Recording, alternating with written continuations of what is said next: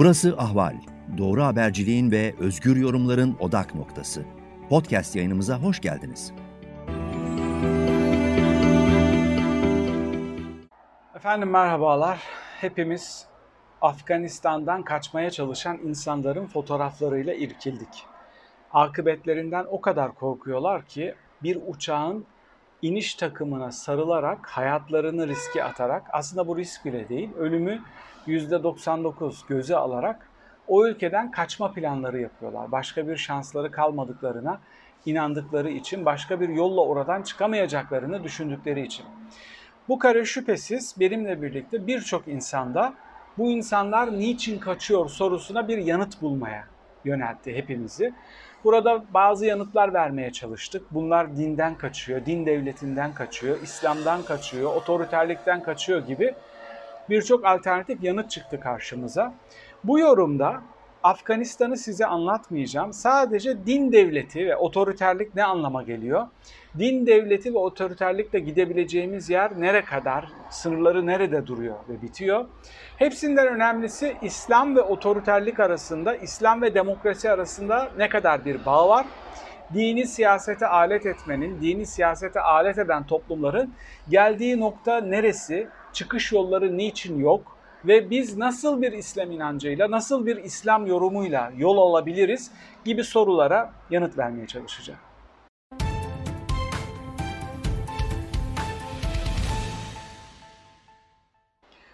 Öncelikle bugün İslamcılarına bir baktığımızda savundukları doktrinlerin tamamına yakınının içtihat kapısının kapandığına dayalı. Yani içtihat kapısının kapalı olması ne demek? Bin yıl önce bazı İslam alimlerinin mevcut şartlara göre yaptıkları yorumlarla birlikte yolumuza devam etmeyiz. Devam etmeliyiz iddiasında bulunuyorlar. Bunların karşısında duranlar da var. Bırakın bu yorumları. Kur'an'ın ayetleri bile tartışmaya açıktır. Bazı ayetler tarihsellik gerçeği içinde yorumlanmalıdır. Yani o döneme ait hükümler vermişlerdir. Bizim buradan yapabileceğimiz çok çoğu bir felsefeyi yakalamak, bir mantığı yakalamak ve yeni yorumları, yeni fıkıh yorumlarını, yeni din yorumu demiyorum, yeni bir Kur'an demiyorum, yeni fıkıh yorumlarını bu felsefeyle e, yapmalıyız ve yolumuza bu şekilde devam etmeliyiz'i savunan tarihselci ilahiyatçılar var. Bunlar çatışıyor. Gelenekselciler yani evrenselciler. Evrenselcilik kavramı ne kadar doğru anlaşılır bilmiyorum. Burada evrensel değerler kastedilmiyor. Kur'an'ın tüm hükümlerinin evrensel olduğu, hiçbir zaman değiştirilemeyeceği ve kelimesi kelimesine yorumlanması gerektiği iddia ediliyor. Ama bunların karşısına bazı ayetleri koyduğunuzda örneğin düşmanlarınız gibi atlarla düşmanlarınızın atları gibi atlar besleyin gibi benzer ayetleri koyduğunuzda orada yoruma geçiyorlar.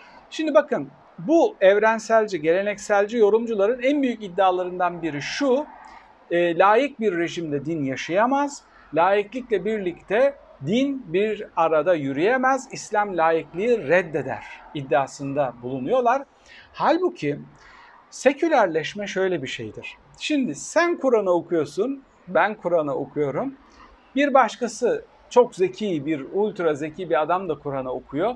Çok çok ileri seviyede olan bir sosyal bilimci dil bilen, 3-4 dil bilen Arapça dahil bir sosyal bilimci de Kur'an'ı okuyor. Şimdi bu dört farklı şahıs Kur'an'ı okumaya başladığında aslında sekülerleşme başlıyor. O zekası ve altyapısı kadar Kur'an'ı anlıyor. Sen zekan ve altyapın kadar Kur'an'ı anlıyorsun. Ben öyle, dördüncü şahıs öyle. Şimdi burada Kur'an'ı okumaya başladığın zaman zaten insan işin içine girdiği zaman sekülerleşme otomatik olarak başlamış oluyor. Dolayısıyla sizin savunduğunuz, gelenekçi olarak savunduğunuz din anlayışı, şeriat anlayışı ya da fıkıh anlayışı bin sene önce yapılmış yorumlarla içinde sekülerlik olan yani bireyin katkısının, insanileşmenin, insevileşmenin katkısı olan yorumlar.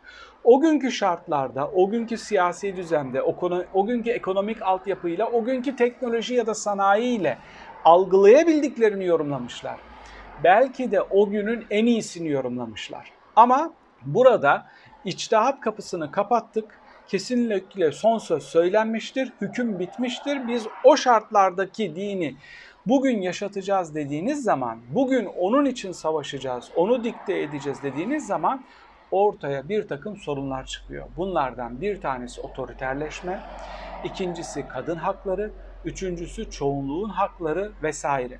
Şimdi bu geleneksel İslamcı tayfaya şu soruyu sorduğumda genellikle yanıt alamıyorum. Peki bunu inanan bir Müslüman olarak soruyorum. Batılı bir demokraside, çoğulcu, katılımcı bir demokraside, anayasalarında, günlük hukuklarında, karar alma süreçlerinde, siyasi yapılarında senin algıladığın İslam'la çatışan ne var?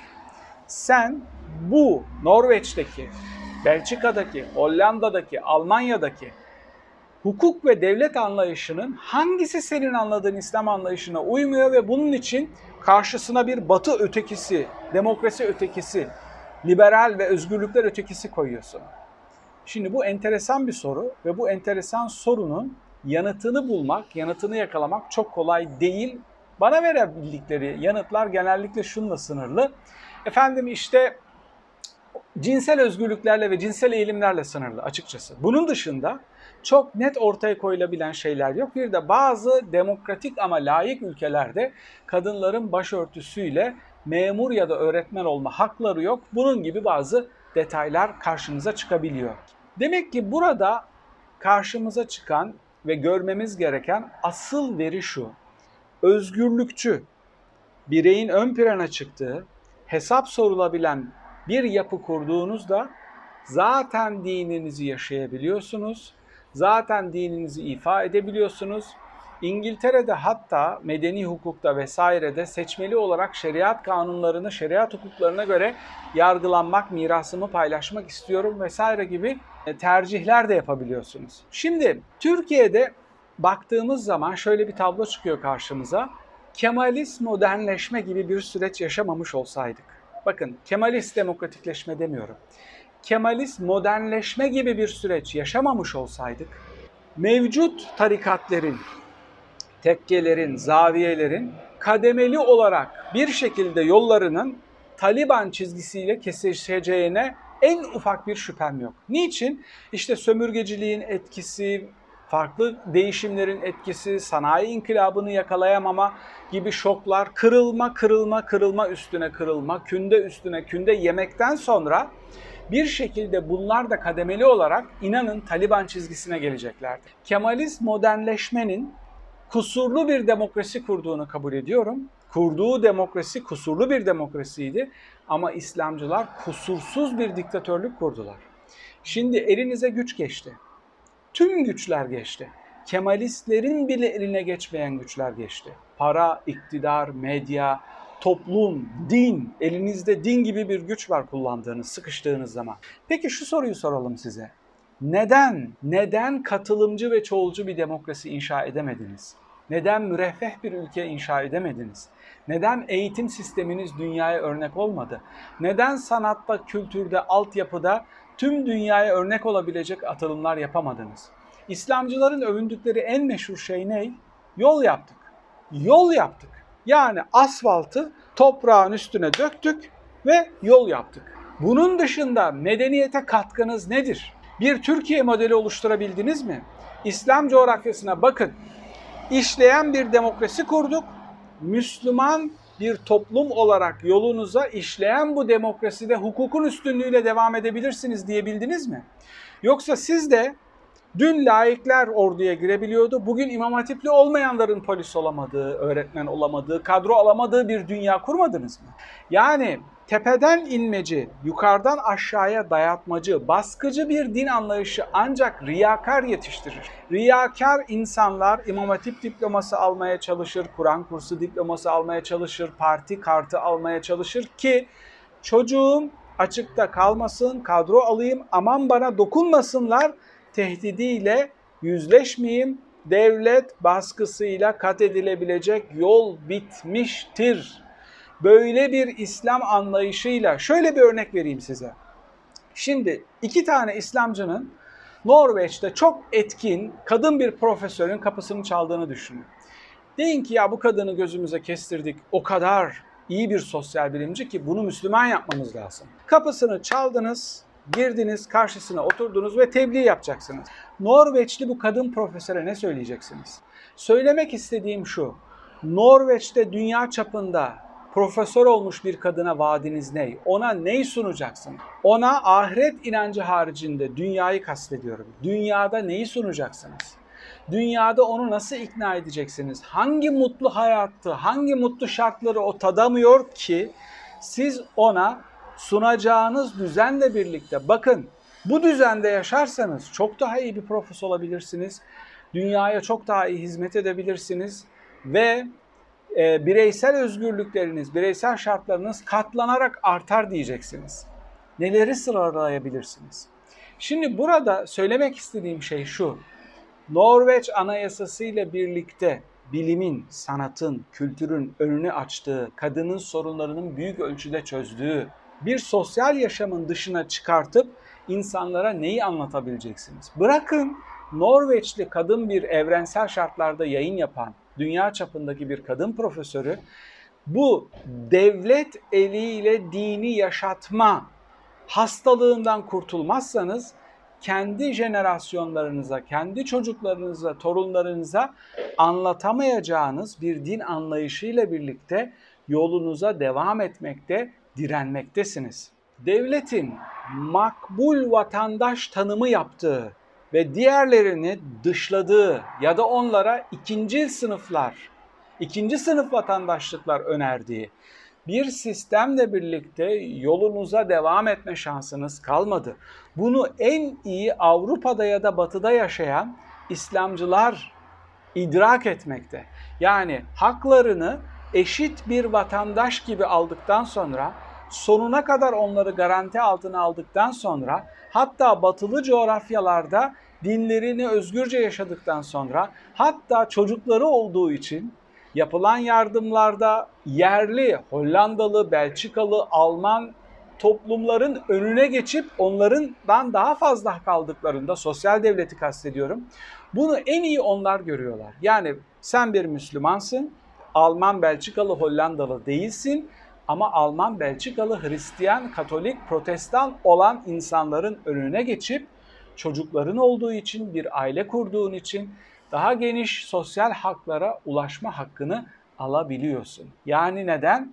Çünkü sana ikinci sınıf vatandaşlığı kimlik siyaseti üstünden vatandaşlık tanıyan bir sistem değil de çok net bir şekilde somut vatandaşlık ilkelerine göre haklar tanıyan bir sistem sunulduğu için. Dini siyasi çelişkilere bir kalkan olarak kullandığınız zaman dini siyasi çatışmalara bir kalkan olarak kullandığınız zaman siyasileri değil gelecek jenerasyonlar, nesiller dini suçlamaya başlayacaklar. Dinin siyasette kullanılmasına müsaade ederseniz yapılan tüm hatalardan insanlar lanet okumaya başlayacaklar. Kadro olamayan çocuk lanet okuyacak. Asistan olamayan çocuk lanet okuyacak. İşi elinden alınan, atılan, dışlanan, hayat kuramayan çocuk lanet okuyacak ve bu laneti sadece siyasilere okumayacak. Belki ilk etapta onları okuyacaklar. Ama tüm bunları fetvalarla, parti ilahiyatçılarının izahatlarıyla, din söylemiyle izah ettiğiniz zaman o çocuklar kademeli olarak dinden uzaklaşmaya başlayacaklar bile demek aslında geç olacak. Başladılar. Karşınızda bu nefretten dolayı dinden uzaklaşmaya başlayan yapılan tüm önemli akademik çalışmalarda, saha çalışmalarında bunu görüyoruz. Dinden uzaklaşmaya başlayan nesilleri gözlemliyoruz. Yani dini gerçekten de siyasete alet ettiğiniz zaman bu işin ilk kaybedeni din oluyor. Dindarlar oluyor, dinin toplum üstündeki etkisi oluyor. Eskiden dindar adam diye bir kredi vardı. Yani dindar adam çalmaz, yalan söylemez, efendime söyleyeyim hakkına razı gelir, komşularıyla iyi geçinir. Ama gücü ele geçirdikten sonra dindarların verdiği imtihan bu çizgide değil. Zulmünüzün dokunmadığı adam kalmadı ki paylaşılan para azalınca artık bu zulüm kendi koruduğunuz, kendi çevrenizde, çeperinize aldığınız insanlara da dokunmaya başlayınca çatırdamaya başladınız. Afganistan özelinden devam edecek olursak 20 yılda Amerika Birleşik Devletleri Afganistan'a 1 trilyon dolar harcadı. 2500 askeri öldü. İmajı yerle bir oldu ve orada bir sistem inşa edemeden çıktı. Şimdi Amerikan karşıtlığı üstünden bunu okuyanlar Amerika girerken de küfrediyordu, Amerika çıkarken de küfrediyor. Bunlardan hangisi doğru? Girmesi mi yanlıştı, çıkması mı yanlış? Ve daha önemlisi şu, Amerikan karşıtlığı üstünden Taliban'ı kutsayan ulusalcılar var Türkiye'de. Kemalizm adına konuşan bu ulusalcılar aynı dini kullananlar gibi Kemalizmi, seküler değerleri o kadar çirkin kullanıyorlar ki çıkıp Amerika'ya karşı işte vatan savunması yapan Talibanları destekliyoruz diye açıklama yaptılar. Şimdi böyle bir açıklama yapan ulusalcıları de e, ikaz etmem gerekiyor. Bir gün bir şekilde bu adamların ellerine düşerseniz mürtet olduğunuz için katlinizin vacip olduğunu söyleyecekler ve beni kurtarın diye özgür demokrat kuruluşlara, kurumlara ve devletlere başvurmak zorunda kalacaksınız. Şimdi Taliban genel af ilan etti. Devlet kadrolarında çalışanların işlerine dönmesi gerektiğini ve yollarına bu şekilde devam etmesi gerektiğini, onları affettiklerini ilan etti. Neden? O kadar büyük bir korku ve kaos oluştu ki bütün dünya, bütün dünya ayağa kalktı. Batılı devletlerin en büyük korkusu şu, bu kaos çok çok çok büyük göçmen dalgaları oluşturacaktır ve o korkuyla birlikte Angela Merkel çıktı ne dedi? Türkiye ile çok yakın ilişkiler içinde bu sorunu çözmemiz gerekiyor. Bu şu anlama geliyor. Türkiye'ye basarsın parayı, al dersin şu göçmenleri bize gönderme, sınırları iyi kolla. Bir üç vermiştik Suriyeliler için, bir üç de Afganlar için atarız. Bize sorun çıkartma. Sen parayı bastığımız zaman bizi mutlu edecek her şeyi yapıyorsun. Bu bu demektir. Yani bakın içeride dini kullanarak, din kardeşliğini kullanarak kimlik siyaseti üstünden kitleleri satın alan AKP dışarıda bunu nakite çevirip sorunları evrensel çizgide, evrensel düzlemde paylaşarak, diğer devletlerle paylaşarak çözmek yerine yapılacak yardımlardan aslan payını alıp yoluna o şekilde devam etmek istiyor. İslamcılık siyasal bir söylem olarak yolun sonuna gelmiştir. Dine büyük zarar vermektedir. Bunu inanan yani din inancı olan, İslam inancı olan biri olarak söylüyorum. İslamcılığın geldiği bu noktada beni kahreden bir noktayı değinmeden geçemeyeceğim. Geçmişte Refah Partisi çizgisindeki partilere şans tanımamalıyız. Onları kapatmalıyız. Parti kapatma dönemlerinde kullanılan argümanlara bir bakın. Bu argümanların, bu hukuk dışı argümanların tamamını haklı çıkarttı AKP. İslamcılara şayet şans verirseniz, onların sistem içine girmesine izin verirseniz bunlar iktidara sandıkla gelir ama sandıkla gitmemek için her şeyi yaparlar söylemini haklı çıkarttılar. O kadar acı bir imtihan ki bu. Geçmişte hukuk çerçevesinde İslamcıların hakkını savunan herkesi hapse attılar. Onları yalancı çıkarttılar. Şimdi de bu söylem üstünde tepiniyorlar. Bir daha Türkiye'de demokratlar güçlü bir şekilde iktidara gelir, iktidarı ellerine geçirirlerse İslamcılara bu çerçevede ikinci bir şans vermeyecekler. İslamcılar sadece kendi çıkarları için gelecek nesillerdeki ideolog taşlarını da ateş, ateşe atmış oldular. Efendim bu yayında Afganistan özelinden yola çıkarak İslamcılığın sorgulandığı, duvarlara tosladığı, dine zarar verdiği noktaları irdelemeye, yorumlamaya çalıştım. Siz İslamcılığı nasıl yorumluyorsunuz? Din üstünden siyaset yapmayı nasıl yorumluyorsunuz? Hataların dine yazılmasını bir tehdit olarak görüp görmediğinizi yorum köşesinde yazıp benimle tartışabilirsiniz.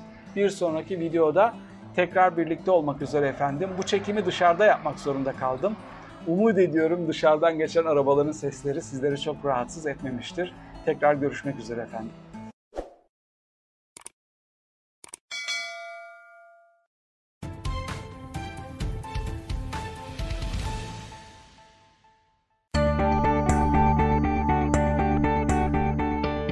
Ahval podcastlerini tüm mobil telefonlarda Spotify, SoundCloud ve Spreaker üzerinden dinleyebilirsiniz. Apple iPhone kullanıcıları bize iTunes üzerinden de ulaşabilir. Türkiye'nin ve hayatın cıvıl cıvıl sesleri Ahval Podcast dizisinde. Kulağınız bizde olsun.